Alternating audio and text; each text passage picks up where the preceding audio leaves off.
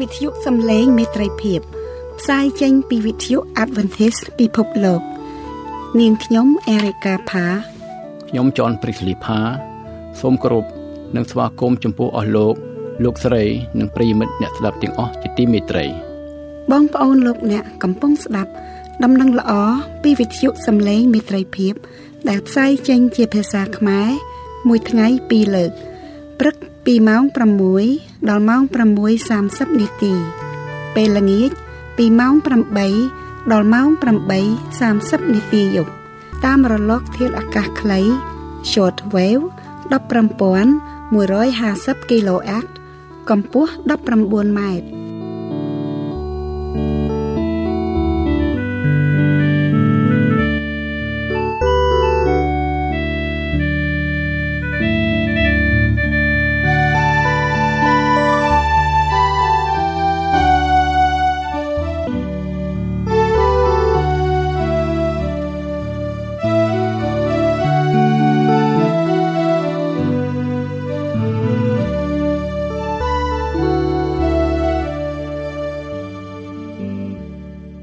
សូមគោរពស្វាគមន៍បងប្អូនលោកអ្នកក្នុងកម្មវិធីសិក្សាព្រះគម្ពីរមេរៀន Sabbath School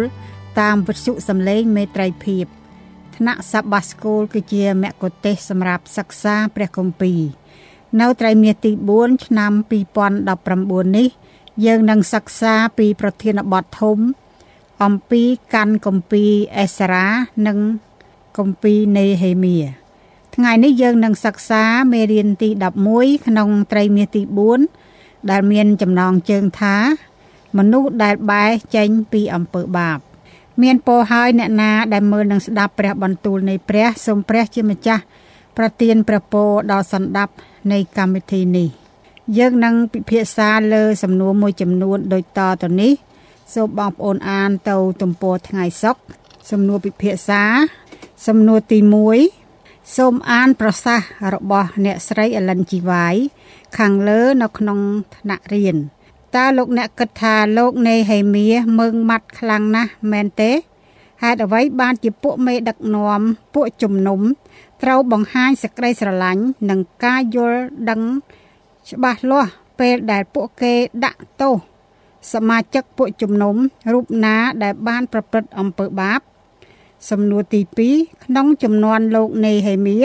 ពួកបណ្ដាជនបានចាប់ផ្ដើមធ្វើអាក្រក់ ពួកគេក៏បានរអិលចូលទៅក្នុងអំពើបាប បន្តិចម្ដង បន្តិចម្ដងហើយអ្វីបានជាយើងត្រូវប្រុងប្រយ័ត្នមិនដើរតាមគំរូទាំងនេះតើយើងអាចការពារខ្លួនយើងកុំឲ្យធ្លាក់ទៅក្នុងគ្រោះថ្នាក់នេះ ដោយរបៀបណា សូមបងប្អូនអានទៅខចងចាំ ខ្ញុំក៏បង្គាប់ដល់ពួកលេវីឲ្យគេបានញែកខ្លួនចេញជាបរិសុទ្ធហើយឲ្យគេមកចាំយាម នៅអស់ទាំងមាត់ទ្វារក្រុង ដើម្បីញែកថ្ងៃឈប់សម្រាកចេញជាបរិសុទ្ធអោព្រះនៃទូលបង្គំអើយសូមនឹកចាំពីទូលបង្គំ ក្នុងការនេះផង ហើយសូមអាណិតមេត្តាដល់ទូលបង្គំ ដោយសេចក្តីសប្បុរសទ្រង់ដ៏ធំ នៅព្រះគម្ពីរនេហេមៀចំពុក13ខ22ពេលវេលាកន្លងផុតទៅរវាងបទគម្ពីរនេហេមៀចំពុក12និងចំពុក13ក្នុងអំឡុងពេលនោះ លោកនេហេមៀបានវិលត្រឡប់ទៅបាប៊ីឡូនវិញ យើងពុំដឹងថាលោកបានត្រឡប់ទៅវិញនោះយូរប៉ុណ្ណាឡើយ បន្ទាប់មកលោកក៏បានវិលត្រឡប់មកទីក្រុងយេរូសាឡឹមវិញ យើងគិតថាលោកត្រឡប់មកវិញ នៅម្ដុំឆ្នាំ430ទៅ425មុនគ្រិស្តសករាជនៅពេលដែលលោកនេហេមៀត្រឡប់មកដល់ផ្ទះវិញ លោកបានជ្រាបថាមានបណ្ដាជនជាច្រើន កំពុងតែធ្វើបាប ពួកគេបានធ្វើអំពើជាច្រើន ដែលពួកគេបានសន្យាថានឹងមិនធ្វើវាឡើយទី1 ពួកគេបានសន្យាថានឹងមិនរៀបការជាមួយនឹងមនុស្សដែលថ្វាយបង្គំព្រះคล้ายคล้ายឡើយ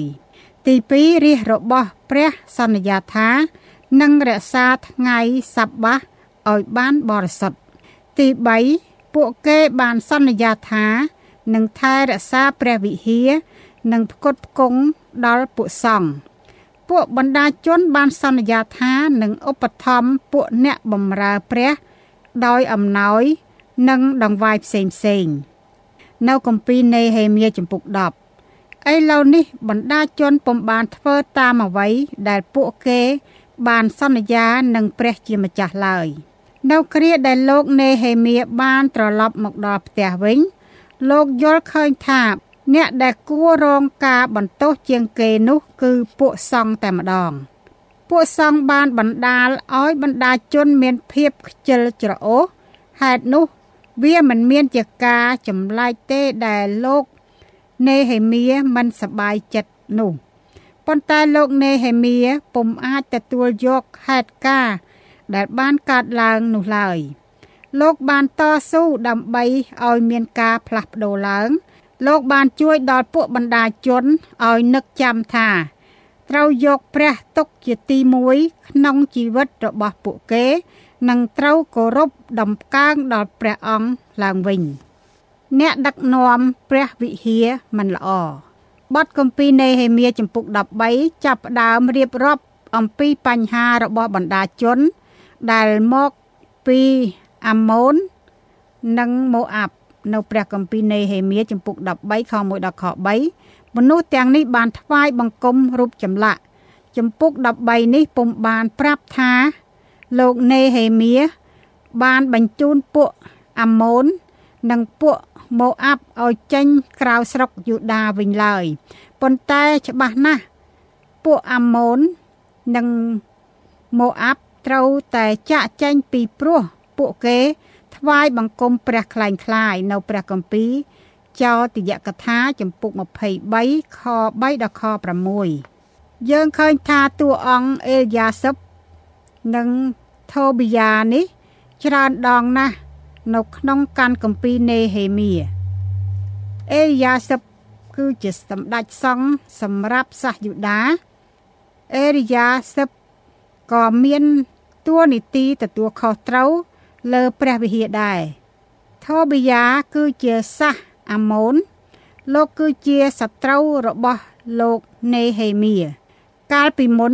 លោកបានព្យាយាមរារាំងលោកនេហេមៀមិនឲ្យធ្វើកិច្ចការនៅទីក្រុងយេរូសាឡឹមមិត្តភាពរវាងលោកអេរីយ៉ាសឹបនិងថូប៊ីយ៉ាបង្ហាញយើងឲ្យឃើញថា ពួកគេប្រកាសជាមានទំនាក់ទំនងនឹងគ្នា តាមរយៈចំណងអាពាហ៍ពិពាហ៍ថូប៊ីយ៉ាប្រកាសជារៀបការជាមួយស្ត្រីមួយរូបពីគ្រួសាររបស់អេរីយ៉ាសឹបយើងពុំបានកំណត់ហេតុអំពីអាពាហ៍ពិពាហ៍របស់លោកថូប៊ីយ៉ានិងភរិយាសាសយូដារបស់លោកទេប៉ុន្តែយើងដឹងច្បាស់ថាលោកថូប៊ីយ៉ា មានឈ្មោះជាភាសារបស់សាសយូដាឈ្មោះថូប៊ីយ៉ាមានន័យថាព្រះអង្គម្ចាស់ទ្រង់ល្អហេតុនោះឈ្មោះនេះគឺជាតម្រុយមួយ ប្រាប់ថាលោកថូប៊ីយ៉ាមានប្រវត្តិចេញពីសាសយូដារីឯគ្រួសារខាងភរិយារបស់លោក មានជាប់តាក់ទិននឹងគ្រួសាររបស់លោកអេលីយ៉ាស៊ីប ប៉ុន្តែយើងក៏មិនប្រកាសទាំងស្រុងដែរមួយជ្រុងទៀតនោះលោកសានបាឡាតក៏មានកូនស្រីដែរនាងបានរៀបការជាមួយនឹងចៅប្រុសរបស់អេរីយ៉ាស៊ុបលោកអ្នកនឹងនឹកចាំថាសានបាឡាតក៏ជាសត្រូវមួយរូបទៀតរបស់លោកនេហេមៀដែរ ហេតុនោះយើងឃើញថាមេដឹកនាំប្រទេសយូដាបែរជាមានទំនាក់ទំនងនឹងខ្មាំងសត្រូវរបស់លោកនេហេមៀតាមរយៈចំណងអាពាហ៍ពិពាហ៍ទៅវិញ ហើយពួកគេទាំងអស់គ្នានឹងហើយដែលប្រឆាំងទាស់នឹងលោកនេហេមៀនោះ ពួកលេវីបែរទៅធ្វើការនៅស្រែចម្ការសូមអានខគម្ពីរនេហេមៀចំពុក13ខ10ដល់ខ14 ដោយដែលខទាំងនេះបានបង្ហាញប្រាប់តើលោកនេហេមៀចង់ផ្លាស់ប្ដូរអ្វីខ្លះពួកបណ្ដាជនបានឈប់ឧបត្ថម្ភដល់កិច្ចការក្នុងព្រះវិហារដោយខ្វះការឧបត្ថម្ភតើឲ្យពួកអ្នកចម្រៀង អ្នកយាមទ្វារនិងអ្នកបម្រើការក្នុងព្រះវិហារផ្សេងផ្សេងទៀតបានអ្វីយកមកចិញ្ចឹមគ្រួសាររបស់ពួកគេទៅ ពួកគេបានវិលត្រឡប់ទៅធ្វើការនៅស្រែចម្ការរបស់ខ្លួនវិញ លោកនេហេមៀពុំសប្បាយចិត្តឡើយ ពេលដែលឮដំណឹងនេះអ្វីអ្វីដែលលោកបានធ្វើដើម្បីរក្សាការថ្វាយបង្គំឲ្យបានបន្តមាននៅក្នុងព្រះវិហារត្រូវបានគេរារាំងហេតុនោះលោកនេហេមៀត្រូវចាប់ផ្ដើមជាថ្មីឡើងវិញ លោកត្រូវបញ្ចុះបញ្ចូលបណ្ដាជនឲ្យឧបត្ថម្ភគ្រប់គ្រងដល់ព្រះវិហារឡើងវិញលោកក៏ត្រូវបញ្ចុះបញ្ចូលឲ្យពួកអ្នកបម្រើការនៅក្នុងព្រះវិហារឲ្យត្រឡប់មកធ្វើការក្នុងព្រះវិហារឡើងវិញដែរมันបាច់សង្ស័យឡើយលោកនេហេមៀបានរើអីវ៉ាន់របស់លោកថូប៊ីយ៉ាចោលទៅក្រៅបន្ទប់ព្រះវិហារទាំងអស់ ព្រះវិហារត្រូវបានប្រឡាក់ស្មោកគ្រោកដោយអំពើបាប សម្ដេចសង្ឃពុំបានចាត់ចែងអំណោយទាំងឡាយពីបណ្ដាជនឲ្យបានត្រឹមត្រូវឡើយហេតុនោះពួកបណ្ដាជនក៏បានលែងចង់ផ្ដាល់អំណោយដល់ព្រះវិហារតទៅទៀតម្ល៉េះហើយបានជាពុំមានប្រាក់គ្រប់គ្រាន់សម្រាប់ឧបត្ថម្ភដល់កិច្ចការព្រះវិហារ ពួកអ្នកចម្រៀងនិងអ្នកបម្រើការព្រះវិហារជាច្រើនក៏បានឈប់ធ្វើកិច្ចការរបស់ព្រះ ពួកគេបានចេញទៅធ្វើការនៅកន្លែងផ្សេងវិញដង្វាយនិងអំណោយផ្សេងផ្សេងសម្រាប់ព្រះវិហារលោកនេហេមៀបានផ្លាស់ប្ដូរកិច្ចការជាច្រើនក្នុងព្រះវិហារលោកបានធ្វើឲ្យការថ្វាយបង្គំក្នុងព្រះវិហារកាន់តែប្រសើរឡើង បណ្ដាជនបានឈប់ថ្វាយដង្វាយ10ហូត1ទៅហើយហេតុនោះបានជាលោកនេហេមៀលើកទឹកចិត្តបណ្ដាជនឲ្យចាប់ផ្ដើមថ្វាយដង្វាយ10ហូត1និងដង្វាយសទ្ធាឡើងវិញសូមអានអំពីដង្វាយ10ហូត1និងដង្វាយសទ្ធា នៅក្នុងខគម្ពីរជនករនីចំពុក18ខ21ដល់ខ24 ម៉ាឡាគីចំពុក3ខ10ម៉ាថាយចំពុក23ខ23កូរិនថូសទី1ចំពុក9ខ7ដល់ខ14កូរិនថូសទី2ចំពុក9ខ6ដល់ខ8និងព្រះគម្ពីរហេព្រើរចំពុក7ខ1និងខ2តើខទាំងនេះបង្រៀនយើងអ្វីខ្លះអំពីមូលហេតុដែលយើងគួរថ្វាយដង្វាយ10ហូត1និងដង្វាយសទ្ធា ដោយដែលយើងឃើញរួចមកហើយកាលណាបណ្ដាជនឈប់ថ្វាយដង្វាយ10ហូត1និងដង្វាយសទ្ធា ធ្វើឲ្យព្រះវិហារចាប់ផ្ដើមមានបញ្ហា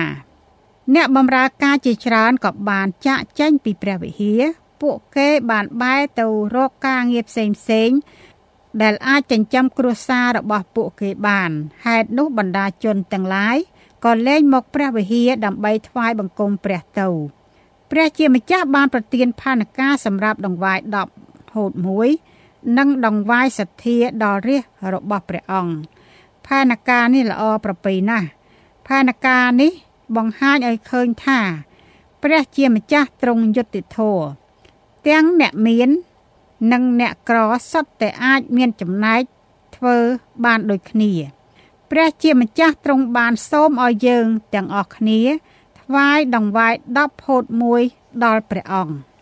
យើងបានអានអំពីផែនការស្ដីអំពីដង្វាយ10ហូត1របស់ព្រះនៅក្នុងខគម្ពីរម៉ាឡាគីជំពូក3ខ10ដែរតើលោកអ្នកឃើញទេថាព្រះជាម្ចាស់មិនបានសូមឲ្យយើងថ្វាយដង្វាយ10ហូត1ដោយសារតែអារម្មណ៍ចង់ថ្វាយឬដោយសារតែយើងមានចិត្តល្អទេឬ យើងបានអានអំពីផែនការស្ដីអំពីដង្វាយ10ហូត1របស់ព្រះនៅក្នុងខគម្ពីរម៉ាឡាគីចំពុក3ខ10ដែរតើលោកអ្នកឃើញទេថាព្រះជាម្ចាស់มันបានសូមឲ្យយើងថ្វាយដង្វាយ10ហូត1ដោយសារតែអារម្មណ៍ចង់ថ្វាយឬដោយសារតែយើងមានចិត្តល្អទេឬពិតមែនហើយ ហេតុផលទាំងពីរនេះក៏ជាហេតុផលល្អសម្រាប់ការថ្វាយដង្វាយដែរប៉ុន្តែទាំងនេះមិនមែនជាហេតុផល ដែលយើងត្រូវថ្វាយដង្វាយ10ហូត1ទេ យើងថ្វាយដង្វាយ10ហូត1ដោយសារតែព្រះជាម្ចាស់បានបង្គាប់យើងឲ្យថ្វាយវិញទេតើដង្វាយ10ហូត1គឺជារបស់ផងព្រះ ព្រះអង្គបានសូមឲ្យយើងថ្វាយទៅព្រះអង្គវិញតើមានអ្វីកើតឡើង ប្រសិនបើពួកជំនុំរបស់យើងឈប់ថ្វាយដង្វាយ10ហូត1រឿងនោះក៏បានកើតឡើងចំពោះព្រះវិហាររបស់សាសអ៊ីស្រាអែលដែរពួកជំនុំរបស់យើងនឹងដួលរលំជាមិនខាន យើងទាំងអស់គ្នាត្រូវឧបត្ថម្ភគ្រប់គ្រងដល់ពួកជំនុំរបស់ព្រះតើបយើងអាចផ្គត់ផ្គង់ ដល់អ្នកដែលធ្វើកិច្ចការរបស់ព្រះបាន ហើយយើងក៏បានមានអំណរនិងថ្វាយបង្គំព្រះក្នុងពួកជំនុំរបស់យើងដែរប្រសិនបើយើងមិនថ្វាយដង្វាយ10ហូត1ទេ យើងក៏មិនអាចចែកចាយដំណឹងល្អអំពីព្រះយេស៊ូវប្រាប់ដល់មនុស្សដទៃទៀតបានដែរហេតុនោះការថ្វាយដង្វាយ10ហូត1និងដង្វាយសទ្ធា មានសារៈសំខាន់ខ្លាំងណាស់ យើងថ្វាយដង្វាយ10ហូត1ដោយសារតែការនេះ គឺជាផ្នែកមួយ នៃផែនការរបស់ព្រះសម្រាប់យើងរាល់គ្នា យើងអាចអានអំពីផែនការនេះនៅក្នុងព្រះគម្ពីរបាន ព្រះជាម្ចាស់រំពឹងចង់ឲ្យយើងជឿទុកចិត្តលើព្រះតម្រេះរបស់ព្រះអង្គព្រះអង្គគ្រប់គ្រងអ្វីអ្វីទាំងអស់ហេតុនោះយើងអាចជឿទុកចិត្តលើព្រះអង្គបាន កាលណាយើងថ្វាយដង្វាយ10ហូត1 ទៅក្នុងព្រះហស្ថរបស់ព្រះអង្គហេតុអ្វីបានជាការថ្វាយដង្វាយ10ហូត1សំខាន់ខ្លាំងម្ល៉េះសម្រាប់ជីវិតប្រលឹងវិញ្ញាណរបស់យើងនោះ ការរំលងថ្ងៃសបាតសូមអានខគម្ពីរនេហេមៀចំពុក13ខ15ដល់ខ16ដោយដែលខទាំងនេះបង្ហាញប្រាប់យើងតើលោកនេហេមៀចង់ដោះស្រាយបញ្ហាអ្វីទៅ វាជាការមិនងាយស្រួលនឹង ក្រោកឈរសម្រាប់ព្រះជាម្ចាស់ឡើយ ក្នុងពេលដែលមនុស្សភាគច្រើនមិនឈរនៅខាងលោកអ្នកនោះប៉ុន្តែលោកនេហេមៀនៅតែមានសេចក្តីក្លាហានជានិច្ចលោកចង់ឈរការពារថ្ងៃសបាតព្រះជាម្ចាស់ប្រាប់យើងថា ថ្ងៃសបាតគឺជាថ្ងៃបរិសុទ្ធมันគួរណាធ្វើការនៅថ្ងៃសបាតឡើយហេតុនោះលោកនេហេមៀចង់ឲ្យបណ្ដាជនក្នុង ក្រុងយេរូសាឡឹមចេះស្ដាប់បង្គាប់ព្រះឲ្យបានច្បាស់ប្រកបពិតមែនហើយថ្ងៃសបាត គឺជាថ្ងៃពិសេសមួយ ថ្ងៃនេះជួយយើងឲ្យនឹកចាំថាព្រះជាម្ចាស់បានបង្កើតយើងមក ព្រះទ្រង់ចង់ឲ្យយើង ចំណាយពេលជាមួយព្រះអង្គថ្ងៃសបាត គឺជាពេលដែលព្រះជាម្ចាស់បានធ្វើឲ្យជីវិតរបស់យើងថ្មីឡើងវិញដែរ ប៉ុន្តែរឿងនោះមិនមានកើតឡើងតែនៅថ្ងៃបរិសុទ្ធដែលយើងចំណាយពេលជាមួយព្រះអង្គឡើយថ្ងៃសាបាតគឺជាថ្ងៃដ៏មានអំណាចវាជួយឲ្យយើងរក្សាសេចក្តីជំនឿរបស់យើងឲ្យរស់រវើកកាលណាយើងថែរក្សាវា ថ្ងៃសាបាតគឺជាអំណោយរបស់ព្រះដល់យើងរាល់គ្នា ថ្ងៃនេះបាននាំមកនៅព្រះពរ ការសម្រាកនិងសេចក្តីសុខសាន្តដល់យើងរាល់គ្នា សូមអានខគម្ពីរនេហេមៀចំពុក13ខ17ដល់ខ22ដោយដែលខទាំងនេះបង្ហាញប្រាប់យើងតើលោកនេហេមៀបានធ្វើអ្វីខ្លះដើម្បីរារាំងបណ្ដាជនកុំឲ្យទិញលក់នៅថ្ងៃសបាតតើអាយកោរបស់អ្នករាល់គ្នាបានធ្វើអ្វីខ្លះ លោកនេហេមៀស្រឡាញ់ថ្ងៃសបាតរបស់ព្រះជាម្ចាស់ខ្លាំងណាស់យើងសូមកោតសរសើរចំពោះសេចក្តីស្រឡាញ់ដ៏ជ្រាលជ្រៅរបស់លោកម្សិលមិញយើងបានឃើញរួចមកហើយថា លោកនេហេមៀស្រឡាញ់ថ្ងៃសបាតរបស់ព្រះខ្លាំងប៉ុណ្ណា លោកសន្យាថានឹងដាក់ទោសលើពួកអ្នកលក់ដូរ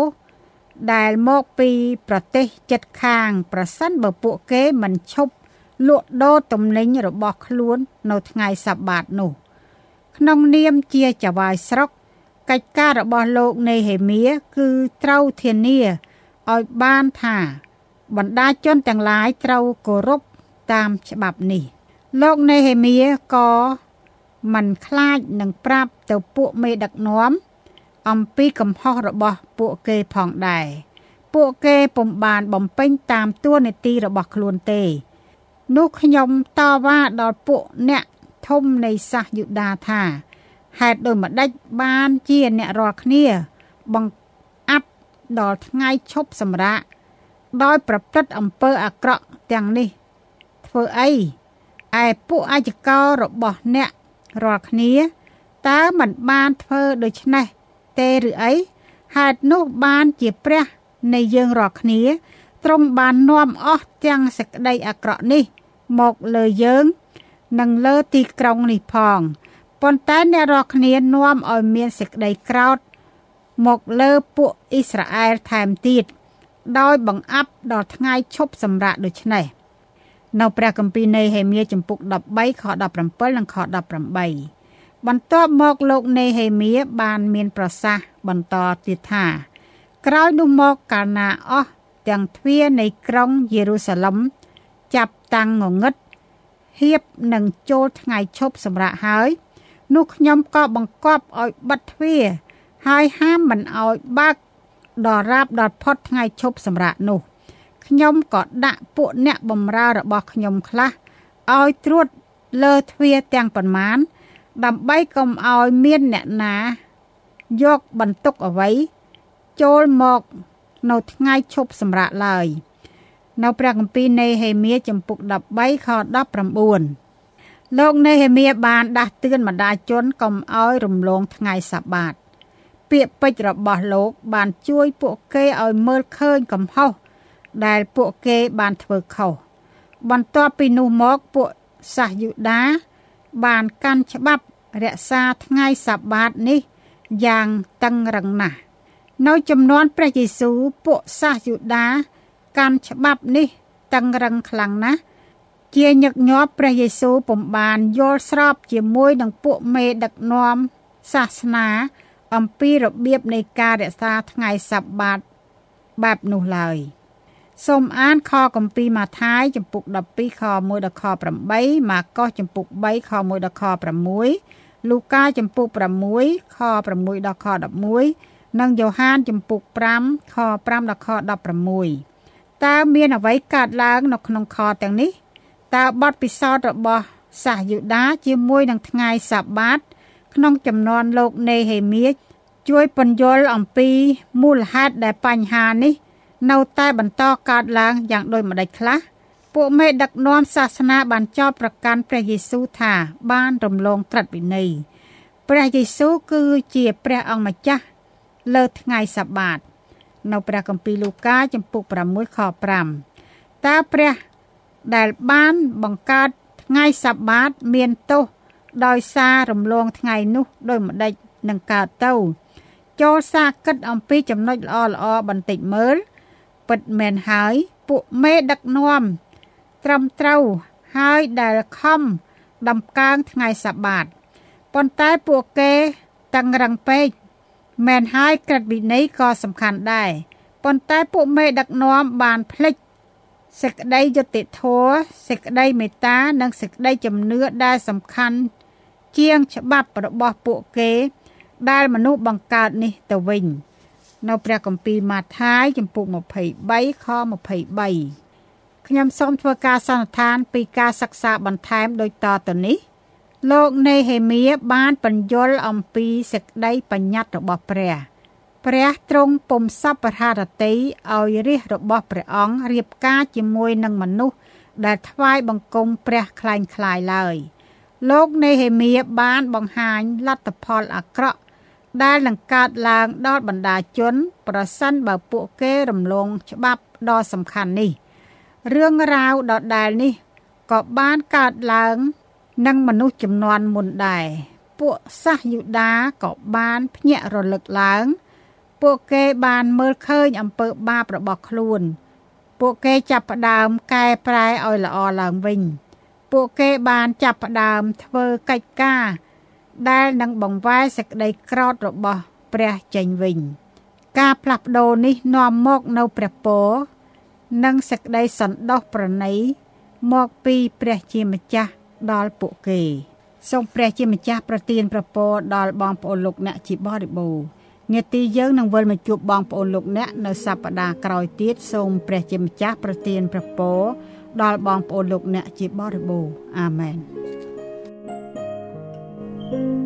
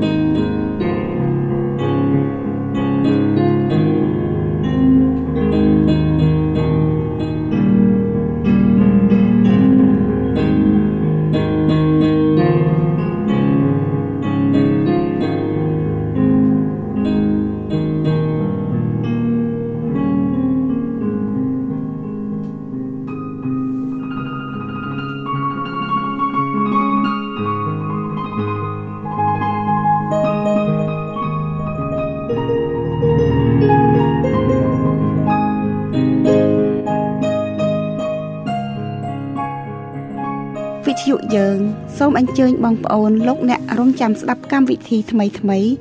និងដំណឹងល្អនៃសេចក្តីសង្គ្រោះ ពីព្រះយេស៊ូវគ្រីស្ទជាព្រះអង្គសង្គ្រោះ